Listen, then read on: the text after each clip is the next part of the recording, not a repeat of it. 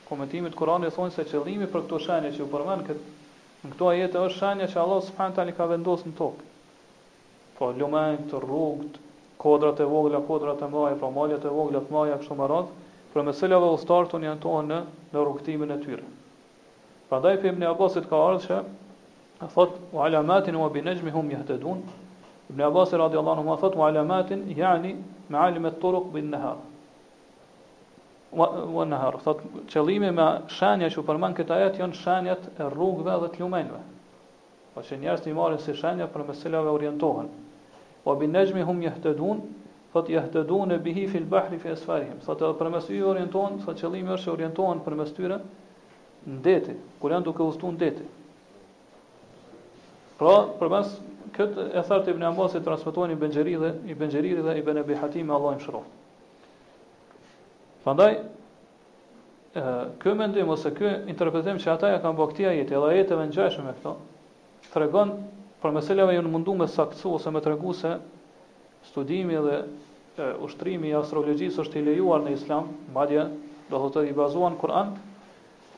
Do thotë domosdoshmërisht prej fesë së Allahut subhanahu wa taala dihet se ky mendim është mendim i, i papranuar.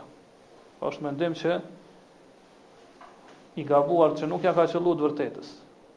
Për arsye se për këtë nuk tregon asnjë tekst, pra nuk kem as ajet, as hadith të pejgamberit sallallahu alaihi wasallam që tekstualisht tregon se kjo gjë është e lejuar. Mirëpo gjithashtu nuk kem ajet, as hadith të pejgamberit sallallahu alaihi wasallam që kuptimi ashtu më i dukshëm i tyre tregon se Kjo është e lejuar. Ngase mënyra se si argumentohet me tekste të Kuranit dhe Sunetit është e ndryshme.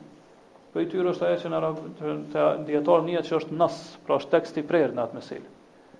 Apo është dhahir, pra që kuptimi i dukshëm apo i jashtëm, i fjalëpërfjalshëm i hadithit apo i ajetit tregon për këtë gjë.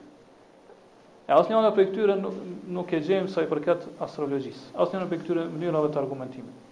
Pra ai i cili argumenton me do të thotë për për ligjshmërin e astrologjisë me këto ajete ose hadithe, të cilat do thotë tregojnë për këtë diçka tjetër, atëherë kjo tregon se sa e, e paqëlluar është mënyra e argumentimit të tina. Madje ne e dimë se ka hadithe të pejgamberit s.a.s. të shumta që tregojnë edhe për kotësinë e tenxhimit.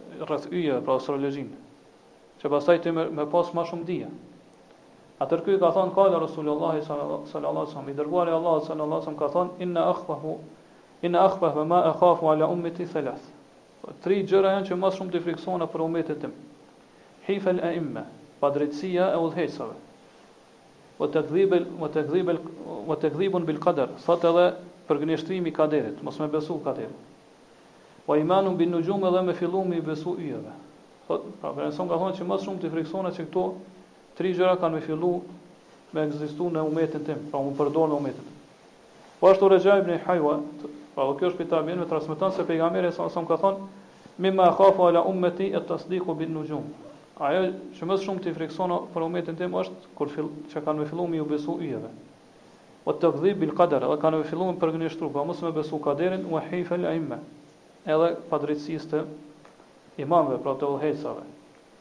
Pra këto dy ethere prej tabiinëve i transmeton Abd Abd ibn Humejdit. Edhe këto janë murs, do thotë janë hadith mursel. Mirpo dyjat përderisa janë hadith mursel edhe ata të cilët e transmetojnë pra janë prej tabiinëve dhe kanë argumentuar me to, atëherë tregojnë se ky hadith është i pohuar dhe i vërtetuar prej pejgamberit sallallahu alaihi wasallam. Kanë ardhur edhe hadithe të tjera që flasin në këtë temë, që tregojnë se ky hadith ka bazë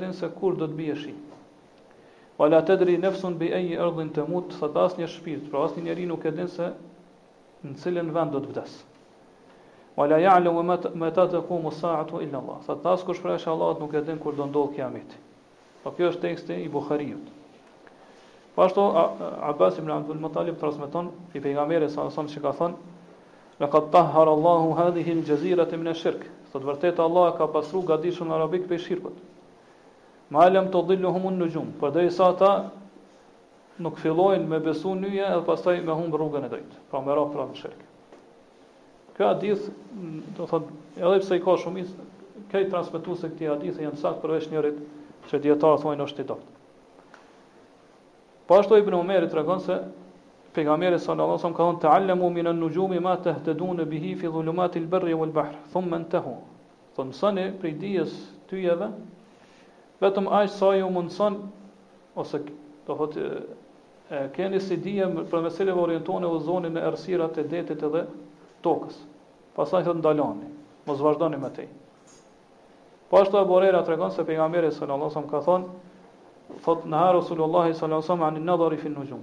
I dërguari i Allahut e ka ndalu me shiku n'yje, po me qëllim që me parashiku fatin përmes yjeve.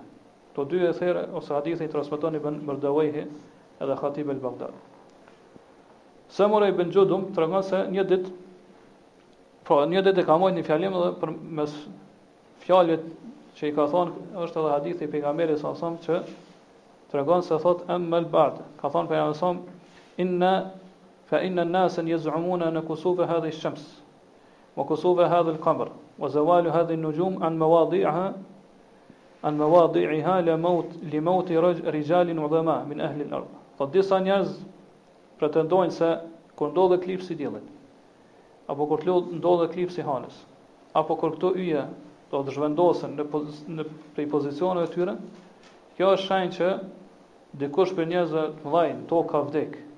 Po prej njerëzve mbretërve kështu me radhë të mëdhaj ka vdek. Wa anhum kad kadhabu, thotë mirëpo ata kanë gënjy.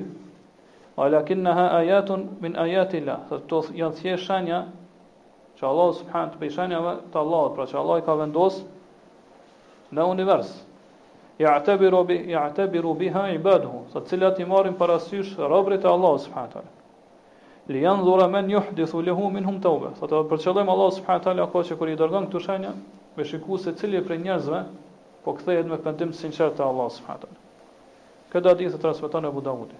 Pra, ajetet, vërtet hadithet edhe etheret që flasin në këtë temë janë të shumta. Edhe gjitha tregojnë se nuk ka, do thot, tekst pi Kur'anit apo hadithit pejgamberit s.a.s. që tregon se është e lejuar edhe është e saktë që njeriu të studiojë astrologjinë e më keq edhe ta ushtrojë. Pra ai që mundohet me sjell si argument diçka pi Kur'anit apo haditheve të pejgamberit s.a.s. themi se ai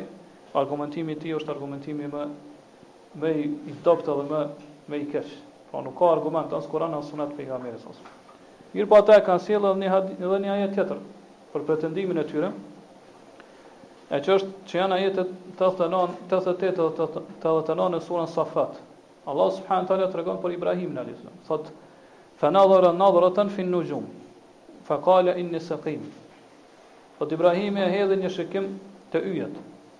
E tha unë jam i smur.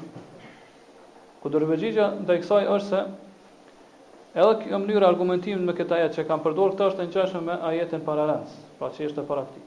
Po themi se bile argumentimi me këtë me këtë ajet është edhe më i dobët se sa me ajetin paraprak. Nga se ku mundet ose ku gjendet n'këtë ajet, argumenti se është e lejuar edhe e pranueshme që njeriu mi studiu, do thot ato rregullat e astrologjisë. Po në asnjë mënyrë me këtë ajet nuk mundet dikush me argumentu. Po vetëm se njeriu e hedh shikimin në yje, edhe i shikon ato kjo nuk tregon se të studiuarit e astrologjisë është i lejuar në Islam. Po shkak gjithë njerëzit i shikojnë yjet. Andaj kjo nuk tregon për atë që ata janë munduar me argumentu. Pastaj e dimë se Allah subhanahu wa taala ka dërgu, e ka dërguar Ibrahimin alayhis salam te, te një popull i cili ka besuar këtë gjë. Pra ka besuar se yjet janë ato që ndikojnë në ngjarjet n'tokë. Dhe Ibrahim alayhis salam ka shkuar atje në mënyrë që me tregu kotësinë e besimit edhe fjalëve të tyre. E si ka mundësi që pastaj Ibrahim Ibrahim alayhis salam me, me përdor vetë këtë gjë. Mirë, po nëse dikush pyet atëherë cila është dobia pse Ibrahim alayhis salam e hedhi shikimin, po i shikoi yjet, përgjigja për këtë është se ai ka përdorë fjalë alternative. Për mos me përdor rrenën, po gënjeshtrën ka përdorë fjalë alternative të cilat përdoren si zëvendësim i gënjeshtrës edhe që nuk llogaritet njeriu që ka gënjyer te Allahu subhanahu wa taala. E këto arabisht quhen mearid, mearidul kelam. Pra po qëllimi i Ibrahimit alayhis salam ka ka qenë që me ardhur deri te thyrja e idhujve që ka e ka vepruar më vonë. Pastaj edhe vetë kur i ka thy idhujt dhe kan e kanë marrë si dëshmitar, edhe këtu e ka përdorë Ibrahimi alajhissalam këtë metodë, ka thonë, Bel fe'alehu kebiruhum hadha, unë s'e kom vepru këtë. Ose s'ka thonë unë s'e kem vepru. Kur e kanë pyet a e ke vepru ti, s'ka thonë unë s'e kom ba këtë. Se kjo i kish ra që është rrenë. Mirëpo ka thonë e ka ba më i madhi i këtyre idhujve. Pra e ka lanë vetëm atë, ka thënë. Siç ka ardhur në Suren Enbija në ajetin gjashtëdhjetë e tre. Dhe ai që mendon se Ibrahimi alayhis salam ka shiku n'yje për me nxjerr për me përfitu prej shikimit të yjeve po këto dispozitat edhe rregullat e astrologjis edhe për me ditë se a yli cilën po e shikon i tregon këtina se a ka me pas fat t'mirë apo fat t'keq ky person i cili argumenton n'këtë mënyrë ka hup shumë larg prej rrugës drejtë për këtë arsye ai siç tregon se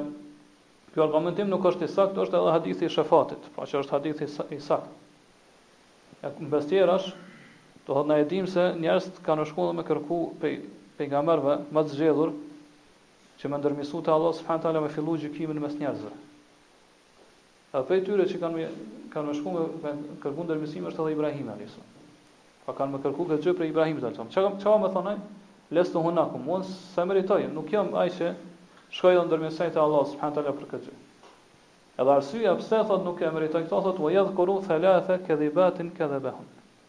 Pra i përmend tri gënjeshtra që ai i ka thonë. Ibn Kajimi thotë që dijetarët i kanë numëruar që ato tri gënjeshtra është kjo, pra e para që ka thonë inni saqim, unë jam i smut. E dyta që ka thonë bel fa'ala kabiruhum hadha, bel fa'alahu kabiruhum hadha.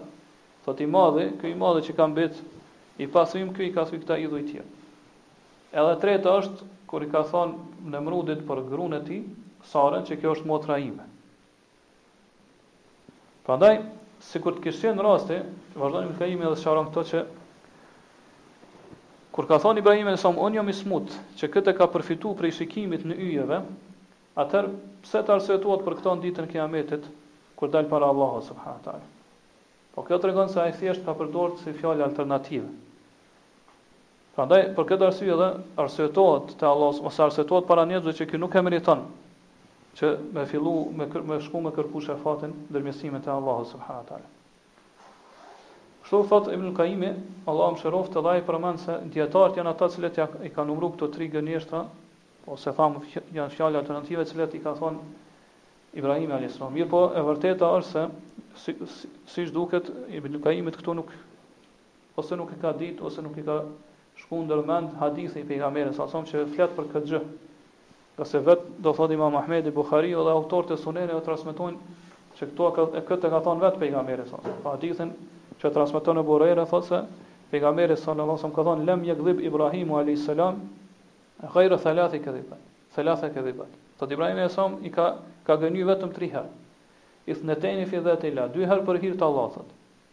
Qawluhu inni saqim, thotë një herë kur ka thonë unë jam i smut. Wa qawluhu bal fa'alahu kabiruhum hadha, thotë e dyta është kur ka thonë që i madhi këtyne idhujve i ka thy këta tjerët. Wa qawluhu fi Sara hiya ukhti, thotë e treta është kur ka thonë për gruan e tij Sarën kjo është motra ime.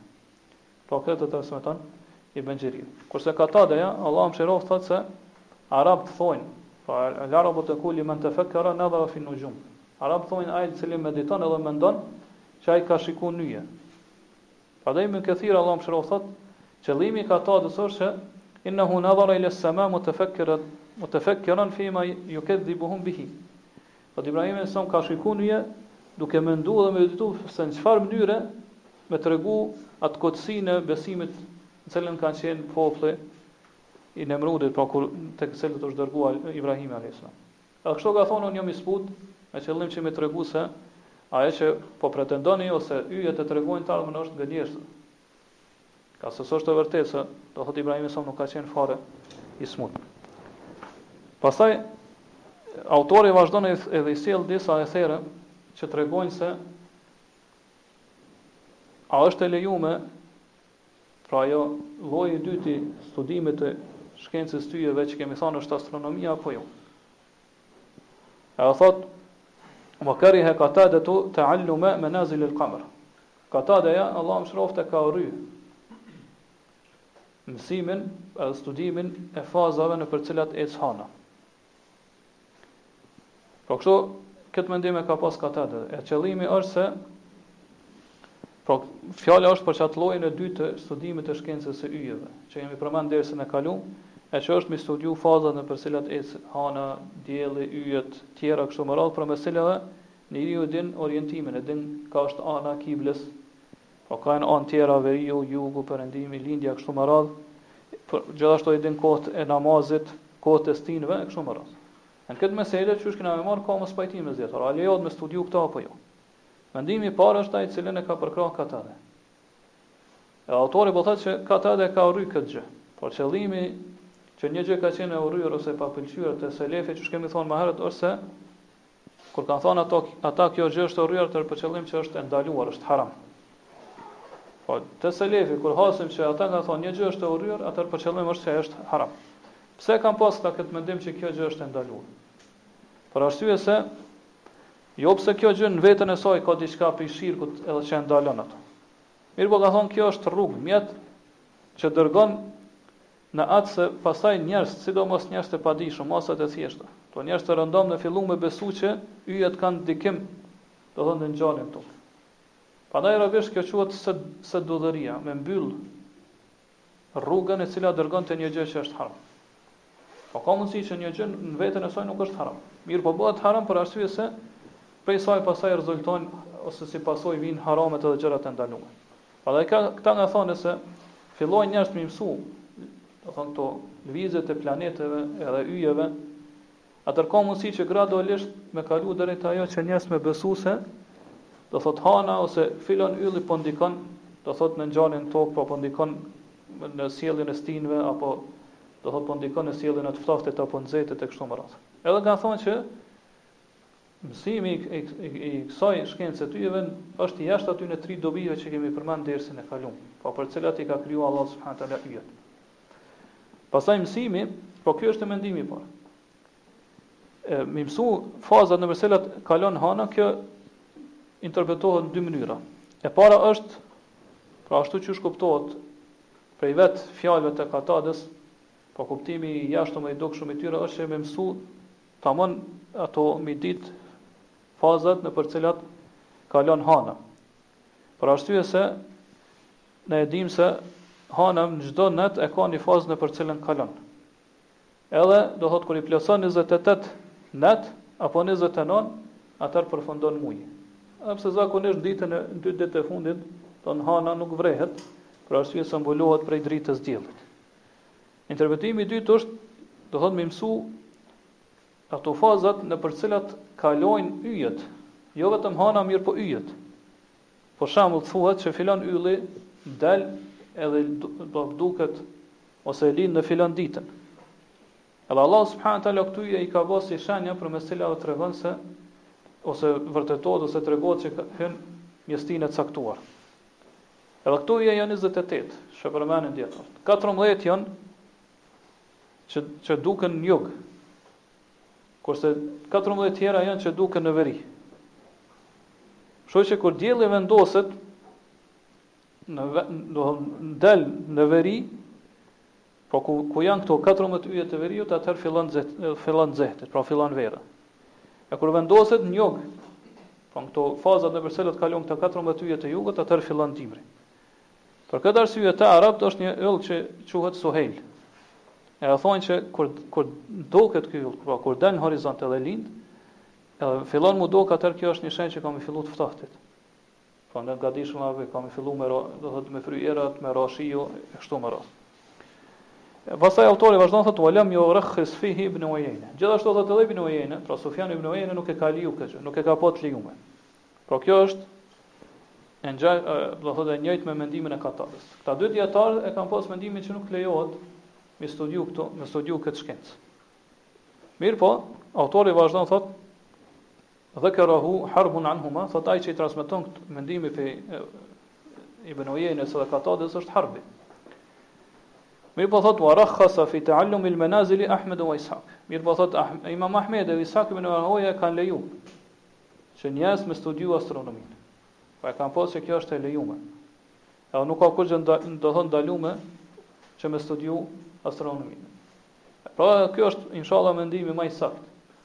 Që nuk ka kurrfarë të keqe që njerëzit me studiu, do thotë lëvizjen e hanës apo t'yjeve kështu me radhë. Ngase nuk ka kurrfarë shirku në këtë. Përveç nëse ndodh që ata cilët e mësojnë, ja atribuojnë, do thotë zbritjen e shiut apo fryrjen e erave do njërit prej yjeve, prej pi yjeve. Po thonë se yjet janë ato cilët e kanë sjellë shiun apo erën, e kjo është lloj pi llojeve t'shirkut, pa dyshim që kemi përmend dersin e kaluar. Mirëpo nëse ato thjesht për të thonë studion me qëllim që Me ditë se ato janë shenja që që tregojnë se ka fillu ni stinë apo një kohë e caktuar, për shembull ka fillu pranvera apo ka fillu vera, vjeshta, dimri e kështu me radhë, atëherë nuk ka asgjë të keqe në këtë inshallah. Prandaj prej dietarëve që e kanë leju këtë është edhe Khatabi, po ashtu Ibnul Mundhiri transmeton prej Muxhahidit,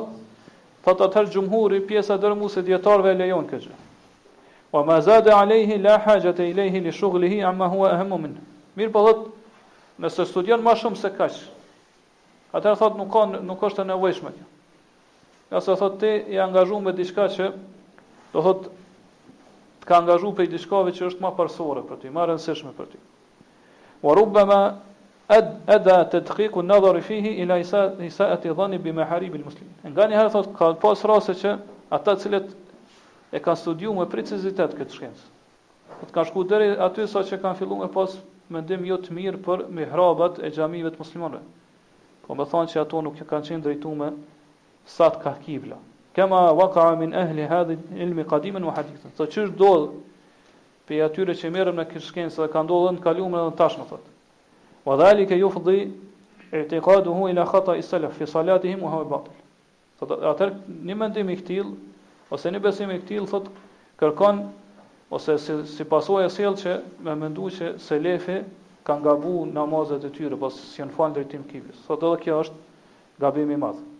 Ata dijetarë cilët e lejojnë, pra po studimin e kësaj shkence, pra astronominë apo lëvizjen e yjeve, për dobi, argumentojnë se vetë Allahu subhanahu wa taala ka përmend se prej dhuntive që ja ka dhënë robërve të tij është që e ka caktu do thotë hanën me lëviz nëpër fazat e saj, edhe diellin, mënyrë që njerëzit me i llogarit vitet edhe mujt. Allah subhanahu taala surën Junus në ajetin e pestë thotë, ve kadderahu menazile.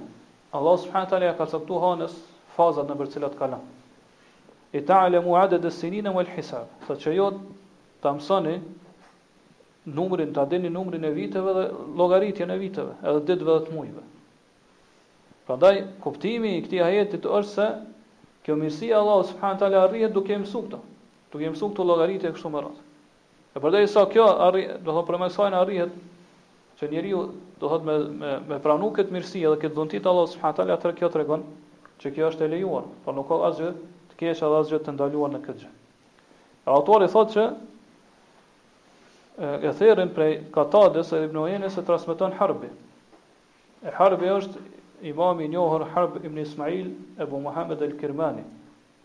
El Faqih, pra ka qenë prej fukahave, edhe ka qenë prej nxënësve më të mëdhenj të Imam Ahmedit. Pra ai ka transmetuar prej Imam Ahmedit, prej Ishaq ibn Rahojës, prej Ibn Medinit, Ibn um, Ibn Yahya ibn Ma'init, edhe të tjerëve prej dietarëve të mëdhenj. Edhe ka libra të shumtë që ka shkruar në në Islam. Prej tyre është libri Mesail, pra libri në cilat i shkruan pyetjet e cilat i kanë parashtruar Imam Ahmedit dhe ai është përgjigj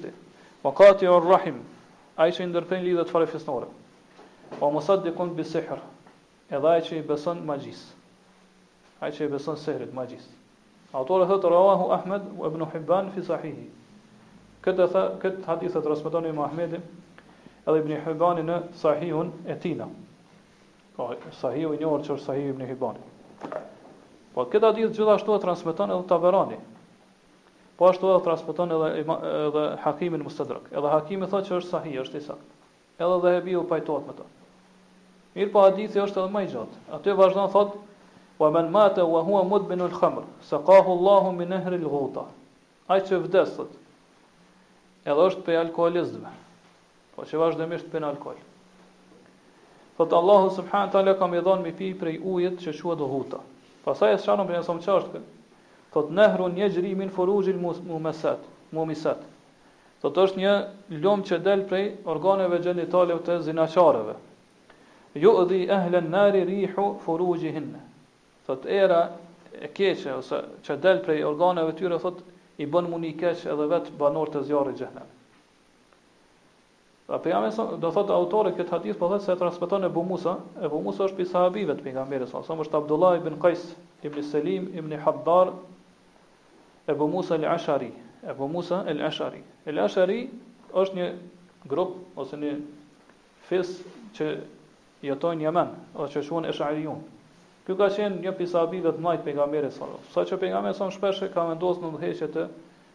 qyteteve edhe të vendeve të ndryshme. Po ashtu edhe Omeri radijallahu anhu, edhe Uthmani radijallahu anhu. Edhe ky ka qenë një prej atyre dyve që kanë gjyku, pra që janë marrë si gjykac në ngjarjen e Sifinit. Edhe ka vdekë në vitin 50 të Hijretit. Pra ka pozitë lart, ka pozitë madhe ky sahabi në në, në Islam. Gjithashtu e ka pas edhe zonin e mirë. Sa që vetë pejgamberi sallallahu alaihi wasallam ka e ka pëlqyer me dëgju zonin e tij kur ai ka lexuar Kur'an. Edhe do thotë e ka preferu edhe i ka pëlqy zoni i tij dhe e ka lavdru shumë pejgamberi sallallahu alaihi wasallam.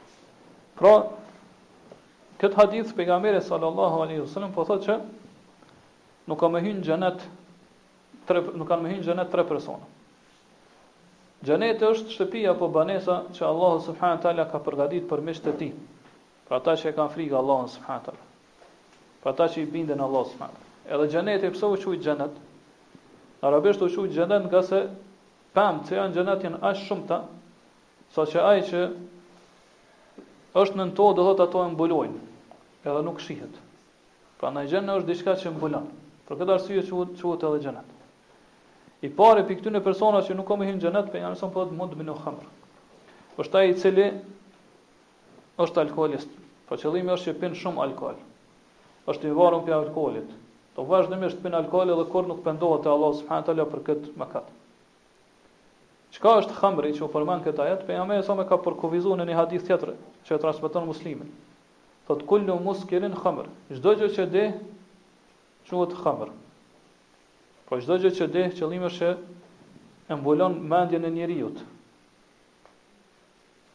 Mirëpo nuk do thotë që çdo gjë që mbulon mendjen e njeriut njëkohësisht me kon edhe khamër, me kon alkool. Për shembull, anestetiku që përdoret për anestezion e mbulon pra mendjen e njeriut. Sa që njeriu kur e pin ato, do thotë ne e dimë se kur e konsumon ato ose e merr, do thotë flen ose i bie të fikt. Mirëpo kjo nuk llogaritet khamër. Çka është khamër? Pra që ai që e pin vazhdimisht e ka këtë kërcënim të madh prej pejgamberit sallallahu alaihi wasallam pra që nuk ka me hy në xhenet është ai i cili e pin një gjë që ja mbulon ose konsumon një gjë që ja mbulon mendjen mirëpo nga nga aspekti i kënaqësisë pra e pin atë duke ndje kënaqësi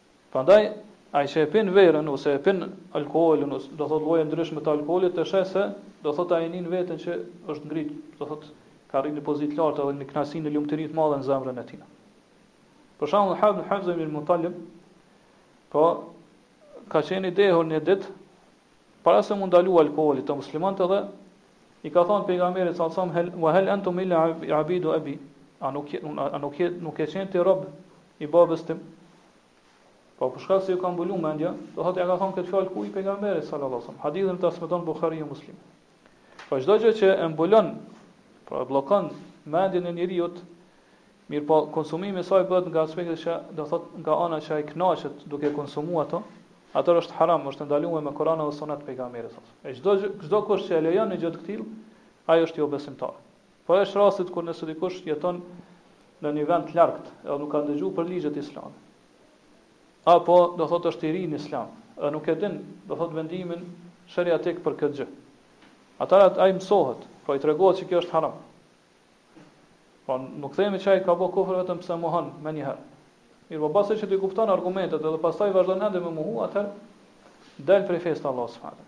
Mirëpo ai që e beson se alkooli është haram, edhe vazhdon me konsumu atë, po qysh thamë, për shkak të epshit, për shkak të kënaqësisë e kështu me radhë, atëherë e ka bën një prej mëkateve të mëdha në Islam. Edhe në Islam llogaritet fasik. Çfarë është fasik? Pra që nuk pranohet dëshmia. Edhe do thotë me imani i tina është i mangët. E nëse pohohet që ai ka pi alkool, pra ose e pranon vet ai, ose vijnë dëshmitarët edhe tregojnë se dikush prej muslimanëve ka pi alkool, atëherë kuptohet aty ku ka gjykata islame, ai dënohet, edhe Allah subhanahu wa taala ka caktuar si masë ndëshkimore për to që do të goditet me kamxhik 80 herë. Goditet me kamxhik 80 herë. Po Islami ka ardhur për me ndalu alkoolin dhe çdo gjë që mbulon mendjen e njeriut. Ngase Allah subhanahu teala ka dallu njeriun me këtë mendje të tina, me intelektin e tij. Përmes së cilës dallon çka është e mirë, çka është e keqe, çka është e dëmshme, çka është e dobishme. A përmes së cilës do thotë njeriu arrin me ditë çështjet edhe urdhnat e fesë, fesë së tina. Prandaj njeriu kur e ka mendjen e kthjellët, po nuk e lëndon tjetrin.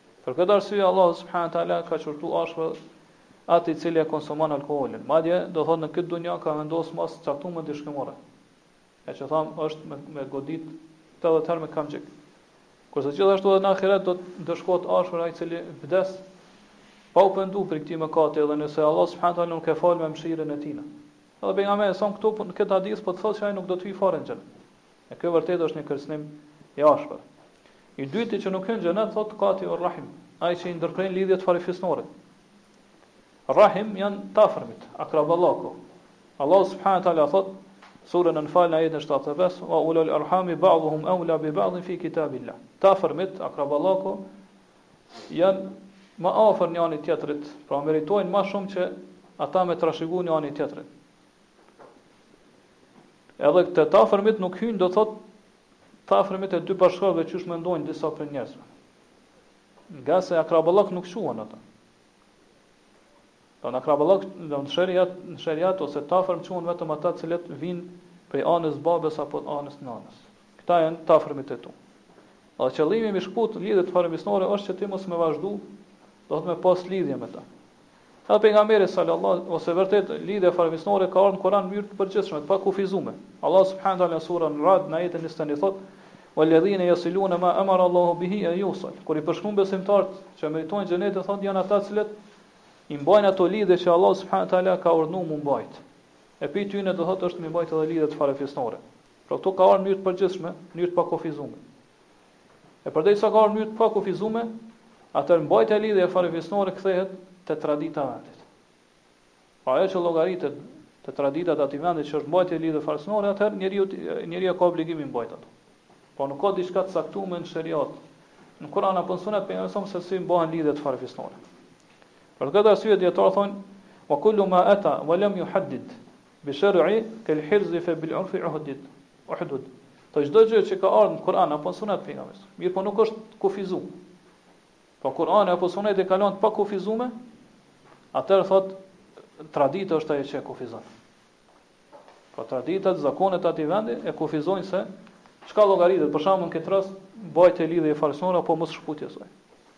Pra mbajtja e lidhjeve farefisnore është obligative në Islam.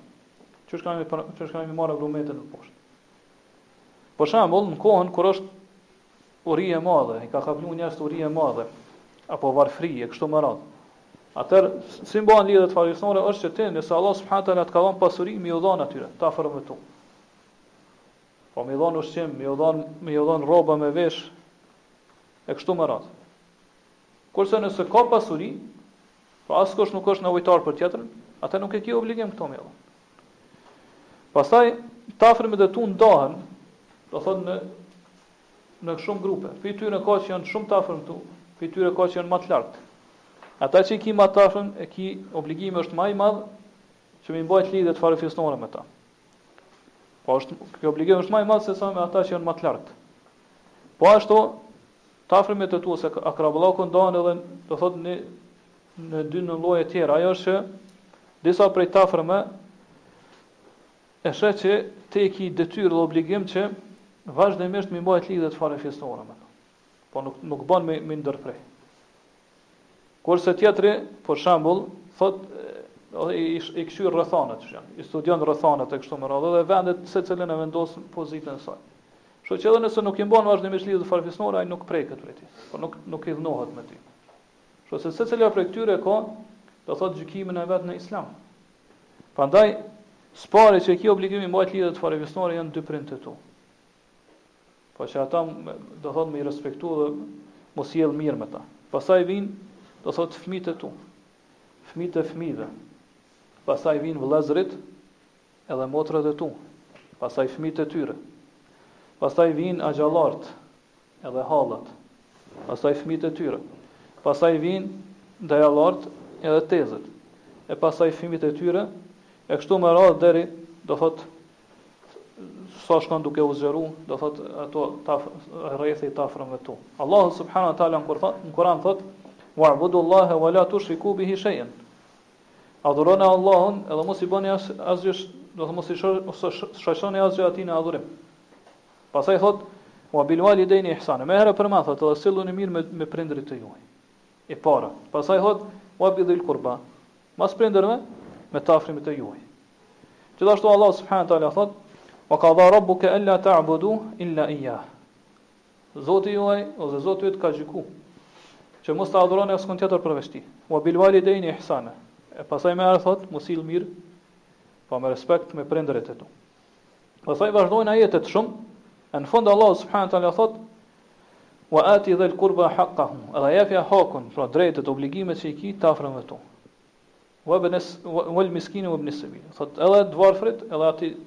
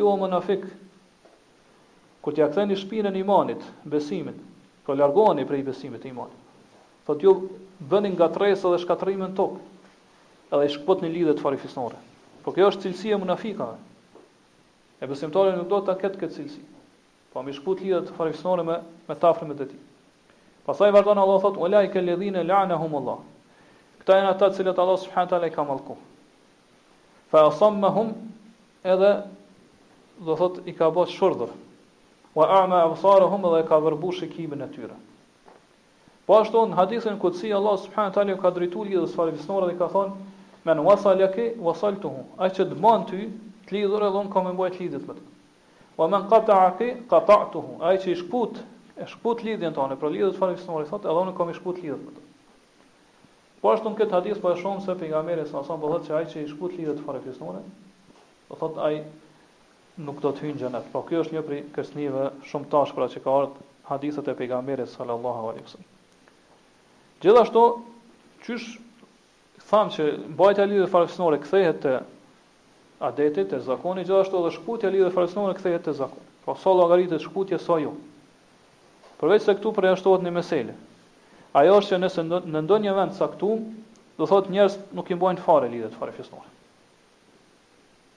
Për shembull, pjesëtarë të atij vendi, do thotë njerëz që jetojnë aty, atë komunitet e kështu me radhë, nuk i mbajnë hiç lidhjet farefisnore. Kanë bërë adet zakon tyre që hiç, do thotë mos me i mbajt lidhjet farefisnore. Qysh e shohim këtë në disa prej vendeve perëndimore. Atëherë në këtë rast themi që nuk lejohet me punu me me këtë adet, me këtë zakon.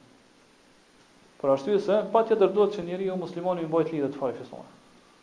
Nëse ka, nëse pi zakon, pi zakonit vendit është një lloj i caktum i mbajtjes lidhjeve farefisnore, atë ti e ke obligim mi mbajt. Mirëpo nëse nuk ka fare, atëherë nuk themi që kjo gjë asgjësohet edhe zhvlerësohet edhe ti tash si musliman nuk e ke obligim mi mbajt lidhjet farefisnore. Përkundrazi, duhet mi mbajt ngase Allahu dhe i dërguari i tij të kanë urdhëruar mi mbajt lidhjet farefisnore.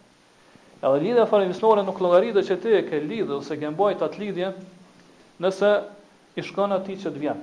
Kaq. Pra e kushtëzon, nëse ai vjen edhe unë i shkoj, përndryshe jo. Ngase kjo llogaritet vetëm u barazu me të. Po nuk është mbajtje lidhje farefisnore. Për arsye se njeriu edhe nëse ka dikën shumë të largët, ndoshta s'e ka hiç prej familjes së tij, nëse ai e viziton,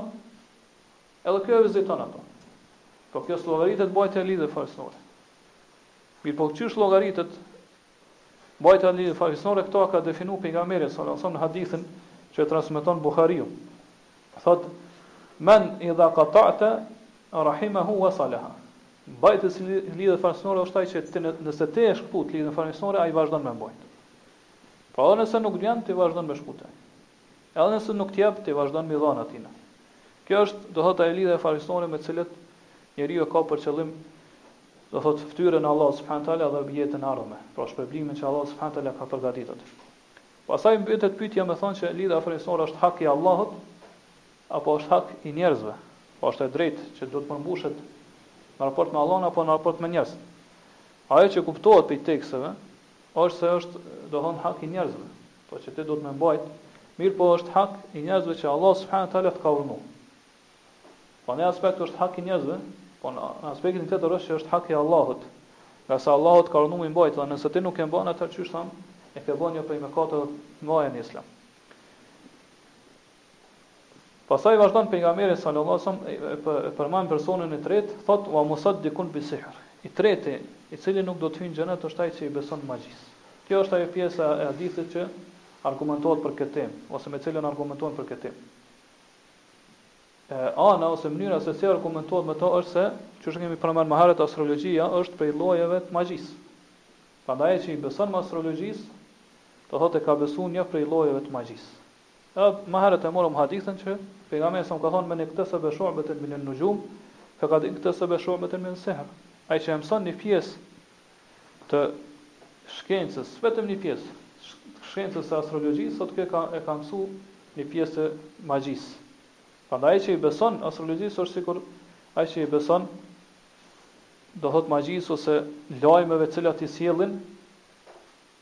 do thotë astrologët apo falltarët e kështu me radhë.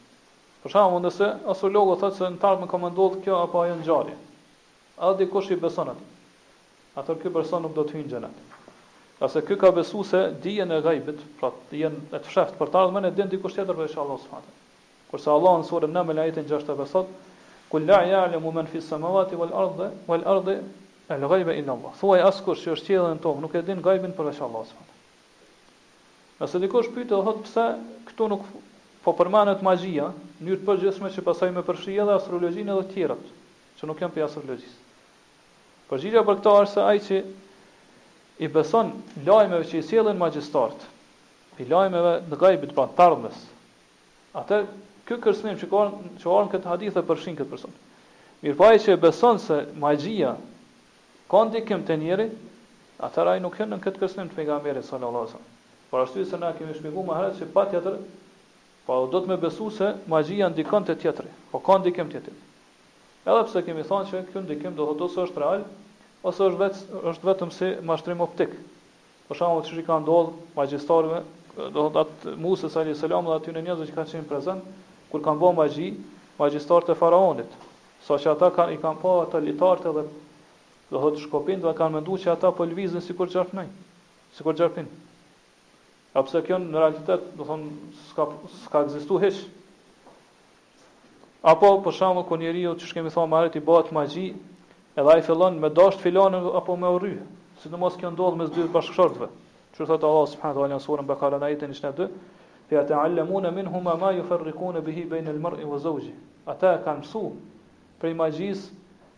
Atë që përmes cilës ka nda mes burrit edhe gruas.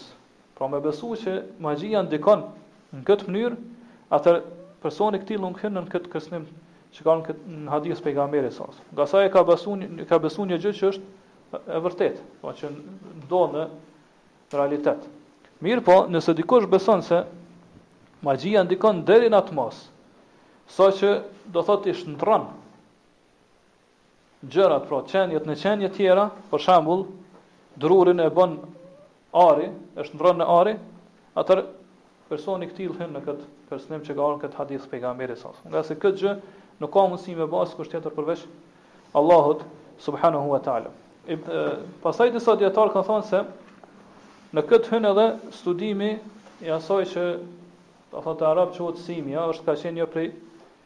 Ajo kimia e vjetër që u përdor, jo kjo që studiohet tash. Mirpo ajo është, pra që e përmendëm deri pak më lart është se me besu se ai i cili e din qat shkencë të kimisë, atëherë ka mundësi që, do thot, për shembull pi drunit me shndrru ari ose pi gurit me me me bo ari kështu me radhë. E kjo thjesht është magji, do thotë edhe nuk lejohet që njeriu me besu një gjë të këtillë. Edhe këtu ka mbet meselja, një meselë e fundit me, me shqyrtu, ajo është se pejgamberi sallallahu alajhi wasallam po thotë që këta tre persona nuk do të hyjnë në xhenet. A është për qëllim që këtu ka kufizim, pra që përveç këtyre treve të tjerë të hyjnë në xhenet, Përgjigja për këtë është se jo. Po ka edhe të tjerë që nuk do të hyjnë në xhenet për shkak të mëkateve të tjera që i bëjnë. Pra nuk do të nuk do të kuptohet kjo hadith që vetëm këta persona do të hyjnë në xhenet kurse të tjerë po. Po kjo hadith nuk tregon për për kufizim. Gjithashtu pyetja tjetër është se Këta të cilët këtu pejgamberi po thotë nuk do të hyjnë në xhenet, a, a, a kuptohet se ata janë jobesimtarë? Ngase vetëm jobesimtarët nuk nuk jobesimtarët nuk hyjnë në xhenet. Dijetarët në këtë hadith kanë mospajtime. Edhe hadithet e ngjashme, të cilat janë në formë të kërcënimit, kanë ardhë në formë të kërcënimit. Disa mendime, mendimi i parë janë ata që mendimi i Mu'tazilive dhe Khawarijve, të cilët do thotë argumentojnë dhe bazohen vetëm në hadithet kërcënuese. E thonë se çdokush i cili e bën mëkat të madh ka dal prej imanit, ka dal prej fesë. Mirëpo Khawarijët thonë se ai është jobesimtar, Kurse Mu'tazilitë thonë ai është në një vend mes dy vendeve. Pra as nuk themi që është jobesimtar, as nuk themi që është besimtar. Pra ka mbet as këndej as andej. Mirëpo të dytë pajtohen se personi i këtillë nëse vdes në këtë gjendje do të jetë përgjithmonë në zjarr të xhehenemit. Pra të dy këto dy grupe edhe Khawarijët edhe Mu'tazilitë. Kështu në këtë mënyrë ata e kanë interpretuar këtë hadith dhe hadithe të ngjashme me këto. Po e kanë interpretuar vetëm me atë kuptimin e jashtëm. edhe nuk janë kthyer ose s'iu kanë referu haditheve tjera që flasin për këtë temë, për shembull hadithet që tregojnë se ai që ka një grimcë iman në zemrën e tij, ai patjetër dikur ka me hy në xhenet. Ky ishte mendimi i parë. Mendimi i dytë janë ata të cilët thonë se ky kërcënim i përfshin vetëm ata të cilët e lejojnë një gjë të këtillë. Po argumentohen me tekste prej Kuranit e Sunetit që tregojnë, pra që është përmendur më lart, të cilat thonë se ai që e ka vetëm një grimcë iman në zemrën e tij. Po ka iman sa do pak në zemrën e tij, do të hyjë në xhenet. Po patjetër dikur ai ka me hy në xhenet. Mirpo ky mendim nuk është aq i saktë. Për arsye se ai i cili e sheh si të lejuar njërin prej këtyre tri mëkateve që u përmendën më lart, ai është jobesimtar. Edhe nëse nuk e vepron hiç. Për shembull, nëse dikush thotë që me shkput lidhjet farefisnore apo me konsumu alkoolin është e lejume, edhe nëse nuk e bën vetë këtë gjë, ai është jobesimtar. Kështu që ky mendim nuk është i saktë. Mendimi i tretë është se kanë thënë se kjo është pi haditheve kërcënuese, prandaj këto hadithe duhet të lihen edhe të pranohen ashtu siç janë.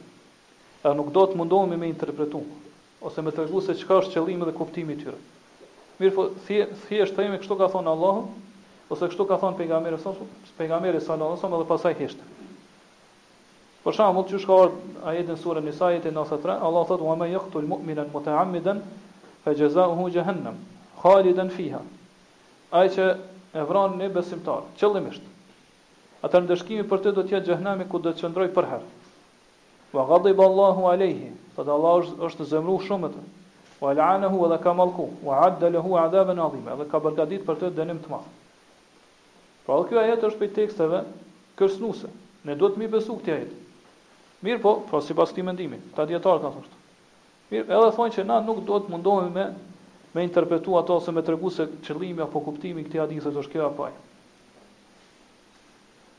Pra ndaj thonë, këta dietar thonë, kështu themi, ka thonë Allahu, e Allahu e din më së miri se çka ka ka pas për qëllim me këtë me këtë gjë. Edhe ky është mendimi i disa ose i shumë prej selefit prej tyre është Imam Maliku.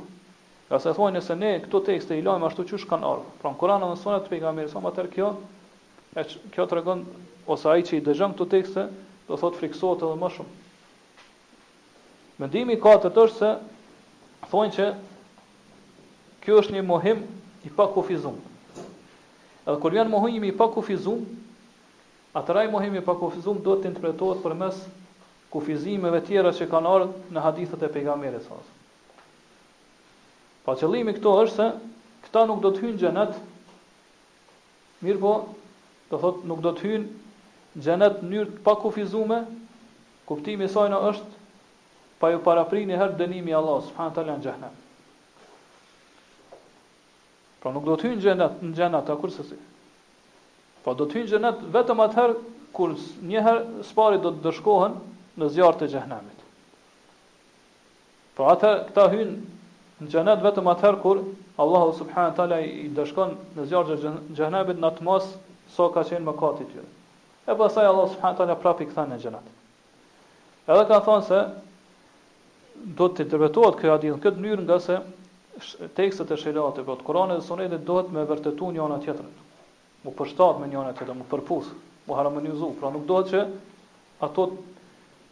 paraqitet në atë mënyrë sa që dikush që i lexon mendon që janë kontradiktore. Edhe ky mendim është më afër, do thotë, parimeve islame. Edhe është, do thotë, është më i qartë dhe më më i kapshëm. Për arsye se në këtë mënyrë argumentimi me tekste pra bëhet i njohur, po i ditur, po çdo kush që e lexon e din se çfarë është kuptimi i këtij hadithi apo i këtij ajeti. Kështu që në këtë mënyrë po i kufizojnë edhe i shpjegojnë tekstet njëra me tjetrën.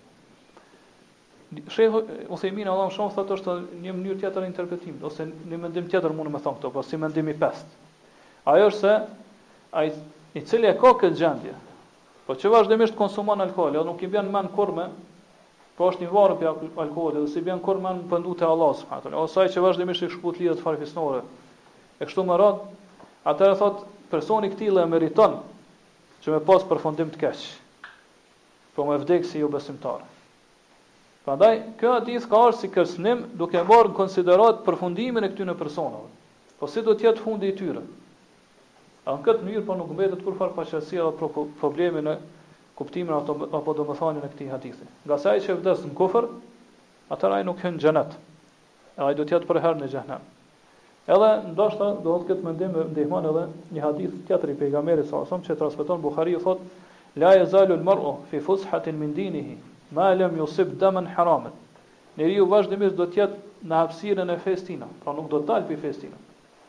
Përderisa nuk e prek një gjak që është haram, që e ka të ndaluar me prek, pra derisa nuk e mbyt tjetrin padrejtësisht.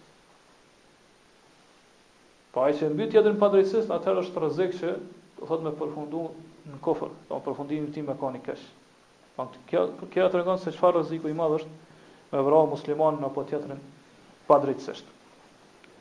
Edhe në fund themi se pi gjërave që hyjnë në këtë lloj të tenxhimit apo të shkencës së dijes ose shkencës apo dijes që ka të bëjë me yje, sidomos në këtë kohë që përdoret, edhe pse shumica e njerëzve janë të shkujdesur ndaj saj është ajo që e hasim nëpër revista, nëpër gazeta, e tash kohët fundit do thotë edhe nëpër rrjete sociale, e që quhet do thotë e, horoskopi. E shohim që ata e veçojnë një faqe apo një gjysmë faqe kështu me radhë, Edhe aty shkruajnë, do thotë yjësitë, yjësia e luanit, yjësia e akrepit, e demit e kështu me radhë, e pastaj afër saj tregojnë se ai që ka lind në këtë yjësi do t'i ndodhë kjo apo ajo. Një burrë apo një grua ose kushdo që ka lind në këtë yjësi, atëherë gjatë këtij muaji ose gjatë kësaj dite apo gjatë kësaj jave ka me i ndodhë kjo apo ajo gjë. Edhe kjo është prej astrologjisë. Edhe kjo është me besu se yjet ndikojnë në jetën apo ngjarjet në tokë. Po me argumentu përmes yjeve apo përmes yjësive dhe planeteve për ngjarjet, pra që ato ndikojnë në ngjarjet që ndodhin tokë në përgjithësi apo ngjarjet që i ndodhin dikujt në veçanti. Edhe kjo është një prej llojeve të fallit, pra hedhjes fall. Edhe ata që e lejojnë këtë gjë, Me ekzistu nëpër revista, po nëpër gazeta, nëpër portale e kështu me radhë, ata ata e kanë leju që falltarët me ekzistu në mesin e njerëzve. Prandaj është obligim për çdo musliman që më refuzu këtë, me kundërshtu ashtu që qysh i kundërshton shirkiat e tjera, ashtu që qysh i kundërshton i kundërshton tjerët, të cilët pretendojnë se e dinë, do të thotë t'ardhmën, Ashtu qysh e kundërshton magjinë, ashtu qysh e kundërshton astrologjinë, edhe do thotë horoskopin duhet me kundërshtu. Ngase pi astrologjisë thamë që astrologjia është pi llojeve të sehrit. Prandaj qysh e kemi obligim me kundërshtu sehrin magjinë, ashtu e kemi obligim me kundërshtu pra në çdo vend edhe kudo që të jemi, edhe astrologjinë apo në këtë rast horoskopin. Gjithashtu muslimani ka obligim Që mos me leju që një revistë e këtillë me hy në shtëpinë e tijna. Nuk lejohet me nuk e ki, pra ki obligim që mos me leju që një revistë e këtillë apo gazetë e këtillë me hy në shtëpinë tonë. Gjithashtu nuk i lejohet me lexu. Madje nuk i lejohet as me hedh shikimin fare. Ngase nëse dikush e lexon këto, pra horoskopin e kështu më radhë. Madje veç dëshiron me ditë se çka ka aty. Jo mi besu. Thjesht thot po du me lexu me kqyr çka po shkruhet aty. Çka kanë thënë këta persona? Atëherë hyn këtu hyn n'atë ndalesën që ka përmend pejgamberi sa sa se ai i cili shkon te falltari dhe do thot vetëm shkon te ai nuk i pranohet namazi 40 ditë. Po ai që shkon te falltari jo me qëllim që me kundërshtu ato. Mirëpo veç me u interesu se çka po thotë ai. Nuk i pranohet namazi 40 ditë rresht. Njëjtë është ai i cili lexon horoskopin. Pra vetëm me u interesu se çka po shkruhet. Nuk i pranohet namazi katërdhjetë ditë rresht. Prandaj, kurse ai i cili lexon këtë faqe, pra po, ose që është në revistë, ose që është në, do thotë nëpër portale të ndryshme ose në rrjete sociale kështu më radh. Edhe i beson, ai beson atë që shkruhet në atë yjësi, për shembull është yjësia në cilën ka lind ai, apo është një yjësi që do thotë i përshtatet këtij. Edhe nëse i beson atë ai ka mohu dhe ka bë kufër. Po përveç që nuk i pranohet namazi katërdhjetë ditë, do thotë edhe ka mohu atë që i ka zbrit Muhamedit sallallahu alaihi wasallam, qysh kanë hadithet që kemi marrë n'derset e mëhershme. Dhe kjo gjë tregon se sa të huaj, sa i huaj është tauhidi në mesin e njerëzve.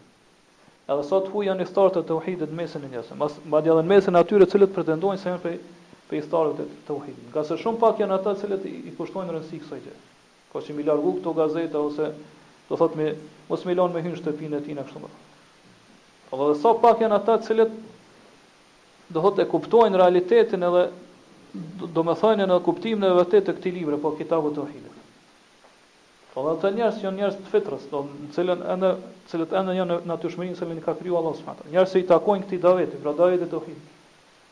Mungon kjo gjë. Prandaj është obligim që këto m'i kundërshtu në çdo vend edhe kudo që të jenë. Po mos me leju njeriu që do thot veten, mos me leju veten s'pari me ra n'mëkat, mirëpo gjithashtu mos mos me bëj që edhe anëtarët e tjerë të familjes m'i përfshi ky mëkat. Po duke leju që duke leju që disa prej këtyre gazetave apo revista me depërtu në shtëpinë e tina. Pra ka obligim që nëse ti e lejon që një revistë e këtillë me hyrë në shtëpinë tënde, atëherë ti e ke leju që Falltar do thotë me depërtu në shtëpinë tënde. E kjo pa dyshim është prej mëkateve të mëdha. Pra ti ke obligim, nëse e has një revistë të tillë apo gazetë të këtillë në shtëpinë tënde ti duhet me marrë edhe me me shqy ato. Po me copëtu, me ba copa copa. Mos me leju n, mos me leju me me qëndru në shtëpinë tënde gjë. Po në çdo rrugë dhe çdo mjet që mundesh me përdorë dhe që është e ligjshme, atëherë duhet me përdorë që do thotë mos me leju këto këto gjëra me depërtu në shtëpinë tënde. Ngase ithtarët e tenxhimit, po ithtarët e yjësive kështu me radhë, këta vazhdimisht do thotë e shfaqin edhe e shpërndajnë atë helmin e tyre në mesin e njerëzve. Sa që do thotë ata kanë ngritur institucione. Për mesela do thotë aty ku mësohet ose studiohet astrologjia. Po që i shohim disa prej këtyre institucioneve që ekzistojnë në Liban, apo dhe në vende tjera.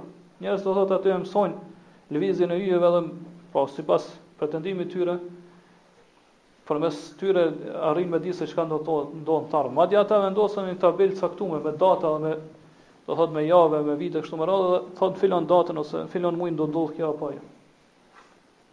Po gjithashtu tregojnë se ai që ka lind në filon yjësinë kështu me radhë atëherë atij do ndodh kjo apo ajo. Po thjesht, siç kemi thonë, edhe më herët kjo është një dije imagjinare, por që nuk ka të bëjë asgjë me të vërtetën dhe me realitetin. Po kjo është do të thjesht do një mashtrim që bëhet prej kokave të këtyre astrologëve, këtyre falltarëve që ja bëjnë pasuesve dhe ndjekësve të tyre. Prandaj është obligim për nxënësit e dijes, për hoxhallarët edhe për të tjerë, që njerëzve me ia hap sytë. Do thot për këtë çështje.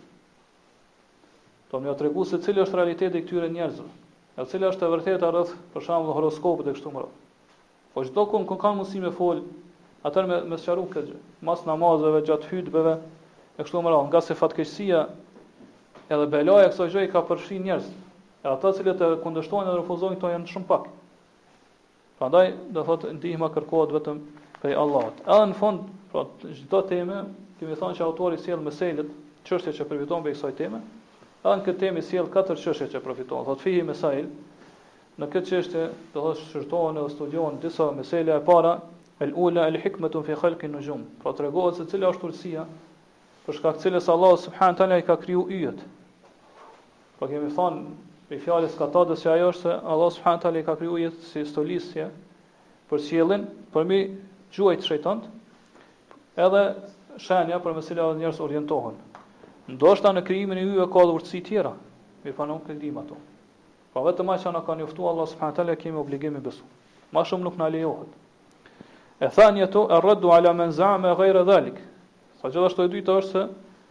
Këtë temë ka kundërpërgjigje dhe refuzim për ata të cilët pretendojnë diçka tjetër.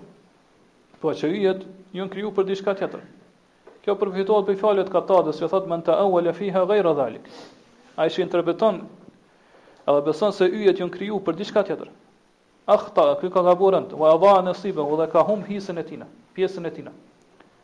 Ue tekellefe ma la ilme lehu bihi, thot edhe ka ngarku vetën për diçka që nuk ka mundësi kurrë me arrit dije rreth saj. Pra me një dije që nuk ka mundësi me arrit.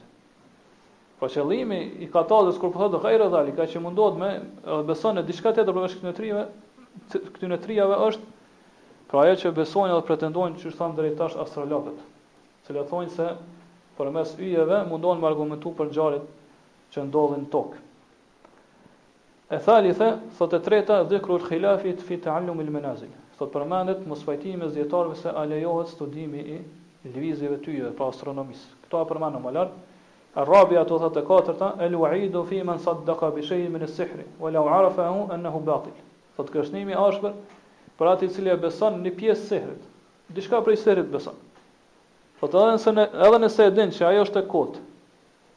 Mirëpo nëse e beson, do thotë ai, hyn në në këtë kërcënim të ashpër Pejgamberi s.a.s.. Po ai që e beson një pjesë të astrologjisë, apo të tjerat prej llojeve të magjisë.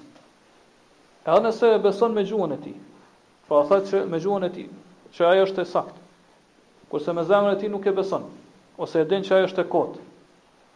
Mirëpo me, nëse me gjuhën e tij e pranon një gjë të tillë, atëherë atë e përfshin ky kërcënim prej Pejgamberit s.a.s., po që ai nuk do të hyjë në xhenet. E si është gjendja me personin i cili e beson edhe me gjuhën e tij edhe me zemrën e tij? Pa dyshim do thotë që do thotë rreziku edhe kërcënimi për të është më i ashpër. E këtu përfundon kjo temë. Inshallah në derset e ardhshme do të fillojmë me temën tjetër, që është tema 30, ku autori thotë babun ma ja'a fil istisqai bil anwa, tema e cila flet rreth argumenteve që tregojnë se është e ndaluar pra të kërkohet shiu prej yjeve.